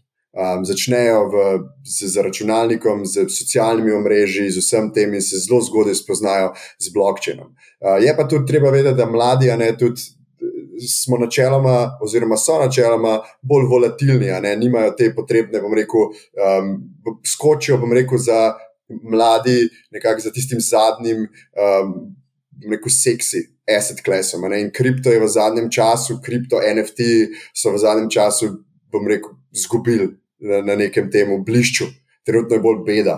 Um, ampak to je, tako je. In to, um, in, in mladi so tudi, ne bom rekel, ta mladi, poprečni investitor, eh, verjetno tukaj ne razpolaga z nekim ogromnim, um, bom rekel, kapitalom, ki ga lahko vloži. Um, to gre verjetno za ne, mogoče nekaj 100 evrov, mogoče nekaj tisoč. Um, in, in tukaj, um, ja, pravzaprav zasledujejo neke hitre, ne, uh, preveč, verjetno neke hitre, um, bom rekel, naložbe, pri katerih lahko na hitro, bom rekel, obogatijo, čeprav taka stvar ne obstaja. Um, tako da možno, ne, da seveda, ko pade generalno zanimanje za kriptovalute, tudi mogoče pade zanimanje za mladih za kriptovalute. Čeprav bi ravno zdaj v tem času bil tisti prav čas, da se izobrazijo, da če jih zanima ta digitalni sektor, da naštudirajo, kje se v bistvu gradi value, tudi v samem NFT-ju sektora, ne ta, bom rekel, ta bom rekel tako, to križišče, intersection of culture, consumer and brand je trenutno, po mojem mnenju, tu je izjemno zanimivo, ko razni brendi kot Nike, um, ne vem, uh, kaj imamo, Time Magazine, Reddit, um, ne, vsi te vstopke se igrajo s temi koncepti, ne, razvijajo te koncepte. Zdaj je ta pravi čas, da se mladi izobrazijo in da mladi mogoče dobijo nek exposure proti temu sektorju. Ne pa takrat, ker je špekulacija na vrhuncu in ker je špekulacija na vrhuncu, je tudi fraud oziroma prevare so na vrhuncu. Um, tako da jaz bi rekel, da zanimanje še vedno vlada, makrotrend je, je sigurno čisti tailwind. Uh, mogoče pa, bom rekel, v zadnjih treh mesecih, pa sigurno ni, če vsak drug, tretji dan bereš o nekem heku ali pa nekem bankrotu ali pa neki prevari, um, sigurno ni to nekaj, kar bi človeka privlačilo. No. Ne samo mladih, vse. Ja, um, a se prvs na prometu pozna zdaj in kako se pozna vse te drame od FTX-a in propadov in bankrotov in vsega živega hudiča? Ja, volumni so, volumni so relativno nizki.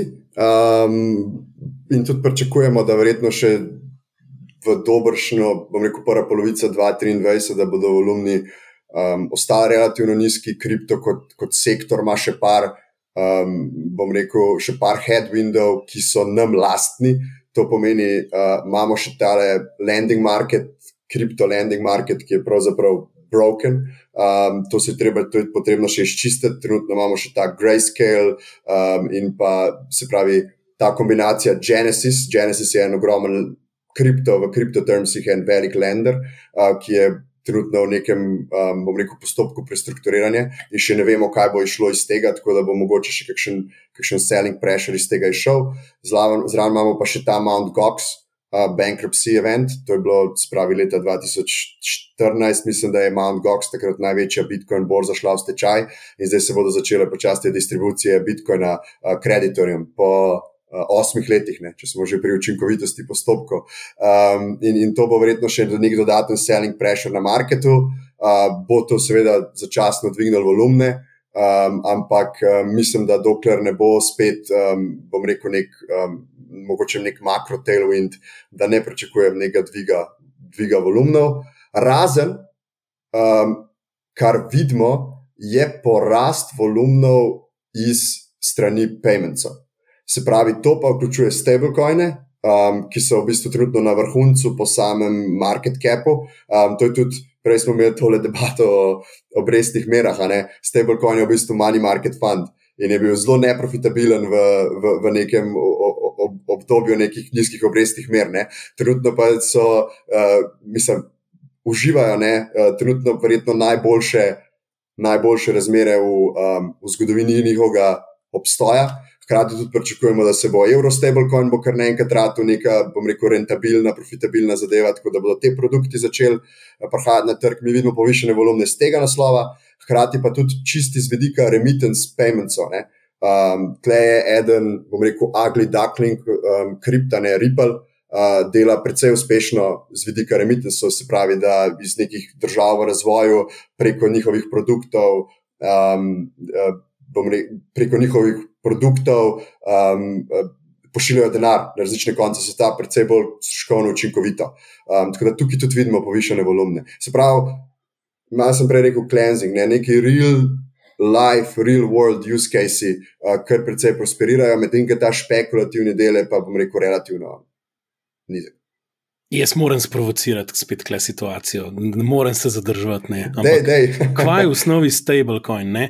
V bistvu v konceptu je to to tako. Pač, stablecoin je digital, uh, kot ti mu rekel, asset, ki trdi, da je one-on-one collateraliziran z pač fiat assetom, ne, v osnovi. Ja. Kar ni dovolj zdaj stran od avista depozita. Zakaj? Pač, okay, razumem, tisti je avtomatiziran, ne? torej imam kontrakt, tam je pa pač banka, ki je depozit. Ampak na drugi strani banka trdi, da ima sredstva in premoženje. Ne?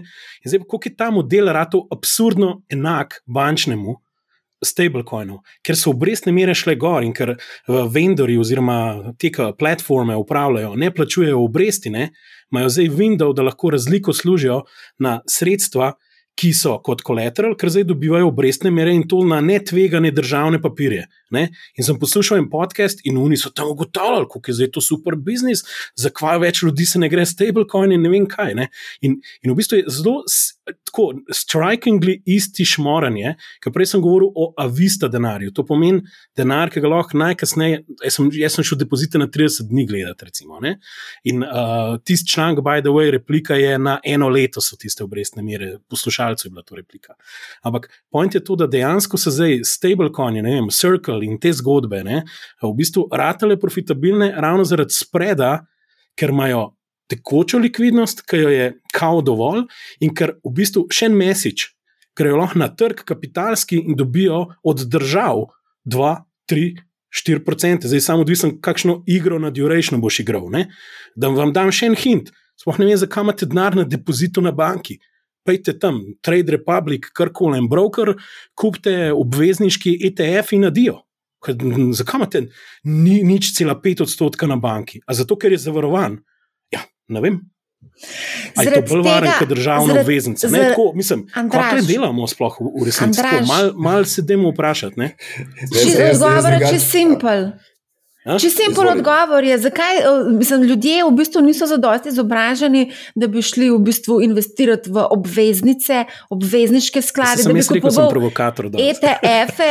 A veš, kako je to delač od nekaterih? Mislim, veš, zakaj? Veš? Razlika je, moje mnenje, user experience je različen v vsakem kontejnerju demografika.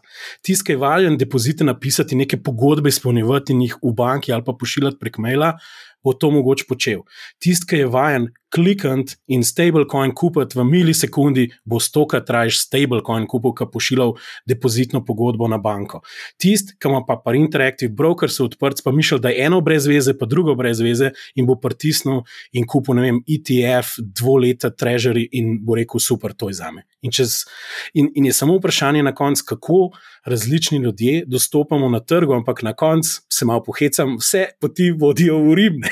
to, to je najbolj smešen, ker na koncu underlying asseti, kjer je najbolj risk reward najboljši, je verjetno zdaj državna neka krivulja, ne sploh v ZDA, ker pač imamo short term curve na 4, plus, ne, in likvidnost je pa nič, ne, da se malo pohecam na stablecoinu.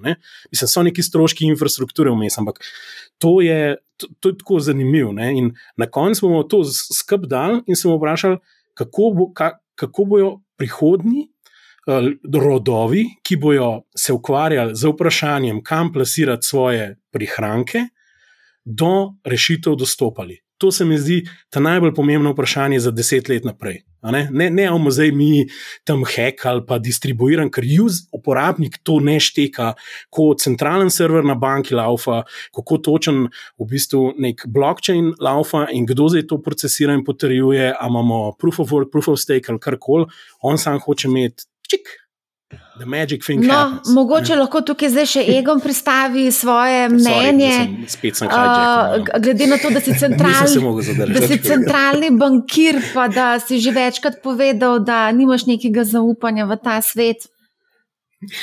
Mislim, da to nima, ne vem, če ima to veze z centralnim bankirjem. Jaz bi rekel, jaz, lo, jaz premišljujem logično, glede na to, da sem centralni bankir. Jaz sem kriptoskeptik, jaz, meni je to kar se mene tiče, je to hazarderstvo, je to špekulativnost, stable coins, vse to, it's, it's, it's nonsense from an economic perspective, if you ask me. Um, veš, um, to, je, to, je, ja, to je za mene, tako čisto osnovno povem, tako kot so bili, je, tako tulipani uh, v 17. stoletju v, na nizozemskem, taka špekulacija. In veš, zdaj se izkaže, kaj bo iz tega. Um, um, A veš, in, in tako naprej. Os, osnovne zadeve finance, kot so maturity transformation, tako, uh, credit risk, da te stvari obstajajo in te stvari se ne moreš znebiti, pa ne vem, kako jih lahko parkiraš v terminologijo blockchainov, pa sensi, pa, pa, pa stablecoinsov, pa algoritmizem. To je, kar se meni tiče, tle ni tako zadeve. In, ampak, ok, mislim, to je moj osnovni, osnovni pogled. Um, Uh, zdaj, kaj se tiče, uh, veš, mislim, teh stvari, kot so um, stvari, kar se mi zdi zelo, kar je bilo pomembno, se izpostavijo to, te generacijske, kot se reče, behavioral hypothesis, je, tako, v tem smislu, da um, ja, veš, ljudje, ljudje, ljudje, ljudje imamo, mladi ljudje imajo zdaj čisto drugačen pristop do finančne, tako, do finančne arhitekture, do finančnih trgov kaj zaupajo, kaj so, tako, kaj jim je udobno, kaj lahko delajo. To zelo veliko spremenja. Ampak v glavnem je pa še zmeraj največji problem tukaj, da, tako, da imamo. Ogromno finančno nepismenost, da se ljudje ne zavedajo tega osnovnega trade-offa between risk and reward.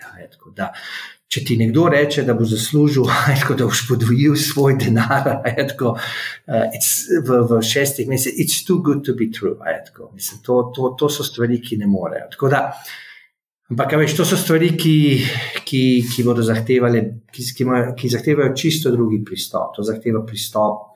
Tako, izobraževanja, začetka v mladih letih, tako, um, zahteva tudi regulacijo finančnih trgov. Jaz sem verjamem v proste trge. Jaz sem večino svojega življenja preživel v Ameriki, tako da sem tako, predvsej ortokapitalist, kar se tega tiče, ampak. A, Tako glede na to, a, a, veš, v, v, v, v, velikih segmentih, še posebej na finančnem trgu, bi lahko bilo bistveno več regulacij, ki, bi omejova, omeno, ki omejuje, kaj lahko ljudje delajo. To, to, to so stvari, veš, ki ki, s katerimi se, da ti povem eno zgodbo, ki se mi zdi, da je bilo pred tem kriptom polomom, pred tako imenovano kriptozimo. Sem bil v Ljubljani, sem se usedel v taksi, sem mogel jeti in tako res lep taksi, uglajen gospod. Tako, e, pač, ne vem, me je prepoznal, da oh, ste pa ta je, kaj, ekonomist je, tako in tako naprej. So, ja, no, in, in tako, a, kaj pa misliš o Bitcoinu? Ja, to je bolj, malo bolj to špekulantsko, je, tako, kar se mene tiče. Ta, ta človek je takrat, se pravi, to je bilo ne, tako, leto nazaj, se pravi, prej, prej se vse sesul, je prodal stanovanje v centru Ljubljane, Ne, tako je prodal stanovanje za cache in je kupil Bitcoin opremo, računalnike, da bo začel je, tako, rudariti, da je tako Bitcoin. Takrat, mislim, Veš, ne, ne, ne potrebuješ doktorata iz ekonomije, ne potrebuješ 25 let izkušenj v ameriški centralni banki. Je tako, to je signal, ki ti pomeni, da je tle nekaj globoko, globoko, globoko narobe. Je, da, je to, da je to en tak špekulativni majetko zadeva. Ne, se zdaj, zdaj, se, zdaj se pa se to sesuje in veš, kako se bo to, in to se bo še sesuvalo kar nekaj časa, kar se meni tiče. Ja, mi tudi poznamo kar nekaj takih, ki so stanovanje prodali, da so šli v kriptozgodbo. Ja. No, ampak eh, potem nekako prihajamo do, do, do, do, do zaključka, da, ne, da težava mogoče ni kripto, ampak težava je pa finančna pismenost oziroma ja.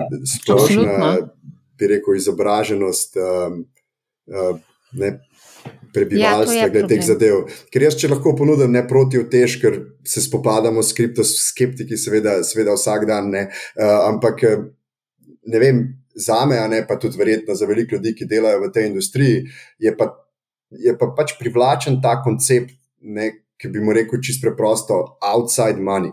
Se pravi, nekaj, kar ni, ne, ker, ki ponudi protivtež državnemu aparatu, centralnim bankam, monetarni politiki, kjer v bistvu je ene, enota, enota dolarja, um, raste in se krči, glede na to, kako se, kako se odloči fetane. In to pravzaprav povzroči relativno manjšo, bom rekel, um, bogatstvo um, za, um, za posameznika. Ne. In to je ta, ta outside koncept, ne, ki je pravzaprav nek kontrarni, kontrarni koncept uh, splošni monetarni politiki, ki ga kripto nudi. Poleg cele tehnološke platforme blockchaina um, se meni zdi za prihodnost zelo, zelo atraktiven, sploh tudi v tem makrotrendu, ki ga zdaj spremljamo, ne, da pravzaprav te zahodni standardi, pa te naše vrednote, um, ki, ki jih mi sprejemamo um, niso nujno tisto, kar sprejema večina prebivalstva po svetu. Um, in, in to je pravzaprav tisto, tisto kar, je, kar je atraktivno na kriptu, ker nudi alternativo tistemu, kar je, kar je državno. Um, tako da mi v Sloveniji tega absolutno ne občutimo, niti malo, uh, pa tudi v razvitih ekonomijah, Evropa in tako naprej. Ampak nek prebivalec neke države v razvoju, recimo Argentina je en tak lep primer, tam se ogromno ekonomije dejansko odvija preko stablecoina, verjeli ali ne, tega, ker centralna banka ne upravlja svoje osnovne funkcije, ljudje bežijo v kripto. In nam je to res koncept, ki nam je totalno odstranjen, mi, mi tega nikoli ne občutimo, ampak dejansko. Je pa nekaj, kar nudi alternative. Jaz mislim, da alternative moramo imeti, ker že Andraš je prej rekel: če ne, gremo pa tisti 1984, Orwellovsko, pa še CBDC, Central Bank Digital Currency, pa centralna banka postane retail banka, in potem ne, uh, smo v nekem kontro, kontroliranem, uh, živimo v nekem kontroliranem svetu. Ne. Če ponudim proti uteša, ne sej, ki že debatiramo. Že tem, tem lahko debatiramo, to bi lahko rekel. Jaz sem sam na slovu, to je to. To je to. Še pivo, Problem, a veš, se strinjam, ne, to, kar si, reč, strinjam se s tem, ne, kar si rekel, a veš, ja, seveda, v, v, v, v v ekosistemu ali v državah, v, kjer so tako slabe institucije, seveda bodo ljudje najdražji. Jaz, jaz sem dovolj star, da se spomnim Jugoslavije, tako, kjer smo barantali z vsem drugim. Zakaj? Ja, zato, ker nismo imeli institucionalne, normalne, fiskalne in monetarne politike. A, veš, a, je, a je reši, a veš to jasno, da, da potem ljudje iščejo, kaj včasih je bilo zlato, so bile nemške marke, so bili, tako si kupo, kar si kol kupo, da si zamenil, sam da nisi, da si, da si se tako rešil tistih tako, uh, nesmiselnih jugoslovanskih dinarjev. Ampak tako, zdaj vprašanje je, kaj je boljša rešitev? A je boljša rešitev, da se spremenijo inštitucije, da se upele, a je tako normalna. Je tako fiskalna, monetarna politika, ki to vodi, ali, ali že gremo v tem. Tako da sem to kot malo, a je tako, um, malo kot kontra. To, to so to, ali bomo videli. A lahko da nam zdaj se tlele, um, da se nam okregal um, kripto, ne kripto, ne, ne, ne, se ne, ne, je se ne, ne, ne, ne. se ne, se se hecam. Ne, sam, uh, da nam, na, na robe sem se izrazila, da ne bomo spet tri ure sedeli. Ja, ja, moramo počasi. Smo samo dve, pa 45. Jaz, Ja, ja, jaz, počasi. predlagam, jaz predlagam, da počasi zaključimo, pa bi zaključili z kakšno vašo mislijo. Ob koncu leta, kako gledate na leto 2023, kakšne so vaše pričakovanja, mogoče, če tukaj lahko vse malo menimo to energetsko krizo, inflacijo, mogoče kaj se bo dogajalo, kako bodo centralne banke reagirale, kaj se bo dogajalo na borzi, kriptu in tako dalje. Ego, nam boš ti začel? Lahko. Um, jaz bi rekel takole, bi rekel ta divja vožnja, o kateri smo zdaj debatirali zadnjo uro in pol, celo mogoče več najbrž, uh, se bo še nadaljevala. Tako da uh, upam, da, imajo, upam da, imaš, da bodo imeli ljudje dobre amortizerje in da, da se bodo privezali, zato ker uh, stvari, bodo, stvari se še zapletajo daleč od tega, uh, je to vojna Ukrajina, je tako Rusija eskalira, zna se veliko, tako, to se da tudi razširiti, tako v druge zadeve. Se pravi, tle je ogromno negotovosti. Na splošno smo v trgu, je, smo v razmerah, kjer je ogromno negotovosti. In zdi se mi, da korekcije negotovosti, kar se bo tiče realne ekonomije, monetarne politike, fiskalne politike in en polno drugih egzogenih, a je tako faktorjev, katerih sploh ne moremo, a je tako v bistvu imeti kakšnega a, a, normalnega pričakovanja. Tako da je veliko tveganja, veliko negotovosti in to pomeni, da so premije tveganja visoke. Zdi se mi, da kar se mene tiče, iz mojega vidika, saj za naslednjo leto so, bi rekel, downside risk, se pravi, tveganja na slabo stran so bistveno, bistveno, je tako. Uh, večja kot pa, rekel, tveganja na bolj optimistični stran. Tako da jaz pričakujem, da se bo korekcije na finančnih trgih še nadaljevale, posebej se bodo nadaljevale v najbolj, bi rekel, tveganih, a je tako in tako, da um, bi rekel, netransparentnih segmentih, a je tako finančnih trgov. Um, to smo izpostavili, da obstajajo, bi rekel, velika tveganja fiskalne politike in kako se bo ta fiskalna in monetarna, kako bo interakcija monetarne in fiskalne politike, ki bo v naslednjih letih pri višjih obrestnih merah prišla nekako bolj na skriž, kako se bo to razvijalo. Tako da, um, you know, hold on, it's, a, it's going to be a rough ride. A kaj boš pa počel s svojim denarjem? Jaz s mojim denarjem počnem tako kot zmerom, jaz ne gledam a tako na te cikle, jaz investiram na, iz- na kompletno dolgoročno a tako stvar. In samo z časom, a tako, ko uh, začel sem seveda z najbolj tveganim portfeljem, a je tako 30 let nazaj, tako in se počasi ta portfelj deterministično, tako preliva, tako v zmerom bolj v cash, v, v državne obveznice, se pravi, high likvidnosti, da ustvarja svojo vrednost. Drugače, vse to, kar pa pritaka noter, imam pa še zmerom najbolj razpršeno, tako v delnicah, ne kupujem individualne delnice. Uh, seveda, real estate, tako te osnovne, tako uh, asset klase je, ampak o, o, ne dotaknem se pa kripto in podobnih zadev, je tako in se jih tudi ne mislim. Tako da, je tako, to, kar sem delal skozi, in če pogledam a je tako na svoje račune, se mi zdi, da sem kar ok. Si kar so, okej. so, stvari, kar, so se stvari precej ok išle. Nejcka pa ti, kakšen je tvoj pogled na svet v letu 2023? Jaz se bom mogoče kar kripta držal, ker uh, mislim, da sta Egon in Andraš bolj primerni, da pokomentirate eh, bolj, bom rekel, makro zadeve na splošno. Uh, ampak, uh, kar se tiče kripta, jaz bi rekel, da je od, na osebni ravni preteklo leto bilo relativno razočaranje, uh, pa sploh ne, bom rekel, z vidika, z vidika cen, ampak um, ali pa, bom rekel, splošnega gibanja tečajev, ampak predvsem iz tega, da je pravzaprav bilo preveč nekih slabih akterjev, preveč nekih negativnih dogodkov, uh, bom rekel, ki so bili pravzaprav lastni kripto, razni heki, stečaji, ki so v bistvu izpostavili vsa ta po pomankanje, nek, nek Wild West, ki ga mediji mu radi rečejo Wild West. In to se je pač dejansko, jaz mislim, v preveliki meri izkazalo.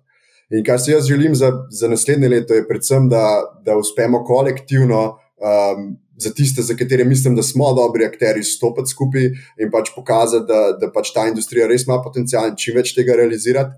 Um, to pomeni preko regulacije, uh, pa ne samo preko, bom rekel, zakonodajnih aktov, ampak tudi pod izvedbenih, izvedbenih aktov, standardov, kot so vem, razni, recimo. IFRS za, za, za kripto, recimo, nek tak primer bi rekel. Um, ampak se pravi, da dvignemo to transparentnost um, in, in pravzaprav nek pravilen, bom rekel, angliški izraz bi bil nek, nek, nek, nek fair conduct of business, ne? čim manj nekih slabih akterjev. Um, tako da to bi si želel za, za, za naslednje leto. Um, zdaj imamo res velike upade na kriptotrgu. Kdaj misliš, da je primeren čas za vstop? Ene par stvari sem že omenil, se pravi, uh, makro, ki ste ga kolega Tlela omenila, je, je sigurno headwind, zraven pa kripto še par teh lastnih uh, dogodkov, ki se še morajo odviti. Uh, se pravi, prva polovica leta, jaz absolutno mislim, pa ne samo v kriptu, je pač cash is king. Uh, mislim, da bi lahko še videli um, upade. Um, s tem, da kot that being said, pa mislim, da je. Uh, mislim, da so historično, recimo, kripto je že na, je že na nivojih, ko je zgodovinsko bil izjemno zanimiva naložba, tako ker sem mogoče že ene, ene, ene parkrat rekel, uh, ampak seveda zmerno v razpršenem portfelju uh, in tako naprej. Um.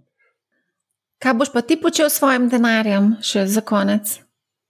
Jaz bom počel podobno, v bistvu, tako, Egon je zelo lepo rekel. Ne? Jaz bom počel podobno, jaz sem zelo izpostavljen kripto, eh, kripto ne, to ni nobeno presenečenje in bom se pravzaprav premikal, um, se pravi, kripto in cash, ampak se bom pravzaprav zmerno. Eh, postopoma, uh, načrtno premikal v neke manj, manj tvegane naložbe, um, se pravi, um, real estate, um, delnice um, in tako naprej. Se pravi, zmerno v manj, v manj tvegano smer um, trenutno pa kripto in denar. Andraš, tvoj pogled na 23. Jo, provociram že celo oddajo, še klej le malo začel provocirati, evo sem skrmusko dal gor. Um, v glavnem, nikoli ne dajem namigov za naslednje leto, tokrat ga bom dal. Um, priporočam vsem finski metal band Insomnium, prihaja nov album ven naslednje leto, dva komada sta že na vseh teh streaming platformah. Tako da tokrat poslušate enega izmed teh, tako da so markets rough, jaz to dam malo bolj na glas ne? in potem to zalaufa, po domač povedano, zadeva. Um, tako da, uh, kar, se, kar se tiče, pa mogoče, uh, kaj si želim, no? da se malo pohicam. Uh, jaz bi si predvsem želel, da bi videl malo več miru na zemlji. To je zdaj tako malo zvenik in tekmovanje za mis leta 1980, kar je dosti žalostno. Ampak uh, uh, poznam kar nekaj ljudi, ki so v Ukrajini in je res grozno, in bi si želel, da naslednji božič ne bo enako. Uh, upam, da bo to tudi nek pozitiven moment za trge, se pa bojim, da bo tudi dosti negativnih momentov in bo težko določiti, kaj bo neto, neto rezultat vseh teh stvari. Obrestne mere bojo, po mojem mnenju, zelo podoben, kle nekje, kjer so, pa mogoče kaj više. Zdaj, to, kar je kripto za me razgalo, je naravo ljudi, um, ne, ne toliko tehnologije. Mislim, da je teh um, ekscesov v drugih delih trgov kreditnih še kar nekaj, sam še niso prišli ven, in če se bo ta stvar vlekla naprej, lahko še kaj ven pride. Uh, to, kle jaz ne bi bil tako hud, hud, hud optimist. Uh, je pa vprašanje, koliko časa nekaj traja, ker če je to kratkoročno, neko če, če, ob, obdobje, ne, pol lahko malo to zašušaš. Uh, če se pa to malo bolj vleče, pa sploh če geopolitika se kaj, še kaj dodatno zakomplicira. Potem pa v bistvu to ne bo nujno tako. Tako da jaz, mogoče na koncu, Bi jaz tako rekel, jaz vidim, je dosta flat let mogoče v nekem malo bolj pozitivnem scenariju, če hočete. Se mi pa zdi, da je možnost, da bo vmes zanihal navzdol, ker do, doskrat se te jirovarir donosi zelo poigrajo z nami. Ne? Ti rečeš, jaz sem negativen in res zaniha dol in je tako, rečemo že minus 30, pa če dodamo na minus 18, zdaj lahko tudi minus 50, potem pa seveda moraš računati, da če bo tako grob uh, nihaj navzdol, bo counter-steering na vseh živih politikah, tako kot je bilo v koroni. Vse koronsko leto je bilo dol, pa je bilo the end of the world, pa konc leta smo bili pa it's not the end of the world. Ne? Tako da govorim trg. Zmer gleda naprej. Tako da, tudi če bo naslednje leto uh, karkoli slabega se zgodilo, to pomeni, da se bodo še poglobile določene stvari v perspektivi, ampak seveda bojo odreagirale politike, ker vedno odreagirajo. Politika je zmer ista. Politiki se, ko je problem, sprašujejo, v sobi, kako bomo zdaj mi dosegli, da bomo prodali ljudstvu, da nam ni vseeno, zato ker se dogaja. Moramo ukrepati. To je zmer še vedno je bilo isto. Včasih za čistimi nameni, včasih pa da si rit pokrijejo. Pač bom zelo direkten. Ne? To sem jaz videl, ker zlasti se ta rit pokrijemo dogaja, ko si prepozen, ko, se, ko si nekaj toleriral in moraš samega sebe negirati in čez vlastno senco pojesti svoj klobuk, da se temu tako reče, in iti vseeno kontrasmer. Tako da malo smo tega že videli na različnih nivojih, ampak jaz bi rekel, flat reto, ostanemo zazrti v prihodnosti. Jaz osebno sem, kar se tiče tveganja, nisem v tem modusu kot sta Neitz in Egon, ampak to bolj zaradi tega, ker pač vodim vsem podjetje, ki dela tudi lastne investicije in uh, vidimo predvsem priložnosti v tveganem kapitalu, v venture capitalu, kjer je zdaj popolna, bom tako rekel, razmontaža stvari. Uh, gledamo naprej, čez ta cikl, torej 5, 6, 7 let naprej, Um, tako da del dobičkov, ki jih imamo, reinvestiramo in bomo v prihodnosti reinvestirali v neke ideje, ki bodo dejanske probleme nagovarjale. Ne? Torej, gledamo zelo, zelo, zelo naprej. Za vse tiste, ki povrčujete za sebe, pa je po moje ta, ta nasvet ali pa ta nek pristop, ki ste ga oba omenila, definitivno na mestu. Hotel sem sam izpostaviti, zakaj sem jaz drugačen in pač uh, mogoče z tega stališča sprejema večja tveganja.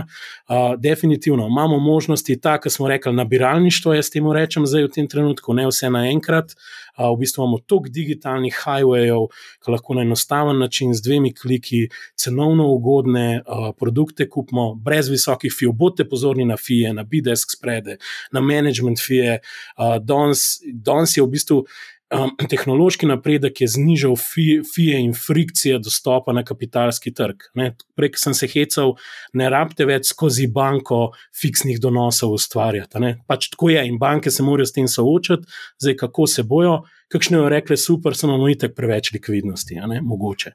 Um, tako da. Um, To je to, no? tako da po pameti, potrpežljivo, po moje, ni, ni še čas za to, da si uh, pohlepen. Tako kot je Warren Buffett rekel: ne, uh, Be fearful others are greedy, and be greedy only when others are fearful. Tako da malo se potem ravnajte in po mojem vse v redu. Lep zaključek, mislim, da je to ravno poanta tudi današnjega časa. Uh, tako da najlepša hvala vsem za debato. Mislim, da smo imeli kar super debato, no kljub nekaj tehničnim težavam, ampak ja, tudi te, to se dogaja, ko greš v živo. Uh, mislim, da so naši gledalci, ki mimo grede, vse več jih imamo, tako da to kar raste. Pa bomo še tri ure govorili, lahko bi samo vzgor. Lahko bi še debatirali sam, glede na to, da sem obljubila, da bomo samo eno uro 15 in smo že to prekoračili. Tako da moramo prekiniti uh, to debato, bomo pa seveda nadaljevali ob kakšni drugi priložnosti. Najlepša hvala, da ste si vzeli čas uh, ta petek. Deževen petek je v Ljubljani in za to finančno debato, tako da iskrena hvala. Ej, hvala tebi. Hvala vsem. Srečno novo leto. Srečno novo leto, ne, draž, Marja. Eh, želimo vam lepe praznike, srečno, veselo, lepo novo leto, čeprav zgleda, da bo tudi malo težavno, polno izzivov, ampak vseeno uživajte življenje. Eh, pa seveda poslušajte Manihau tudi v novem letu, mislim, da vam ne bo žal. Lepo zdrav in srečno.